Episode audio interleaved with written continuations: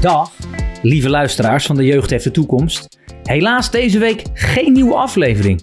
Maar dat is misschien wel een mooi moment om je favoriete episode van dit seizoen nog eens terug te luisteren.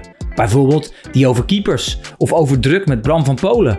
Of kies je voor de eerste van dit seizoen over de ideale voetbaltraining. Kortom, genoeg te kiezen.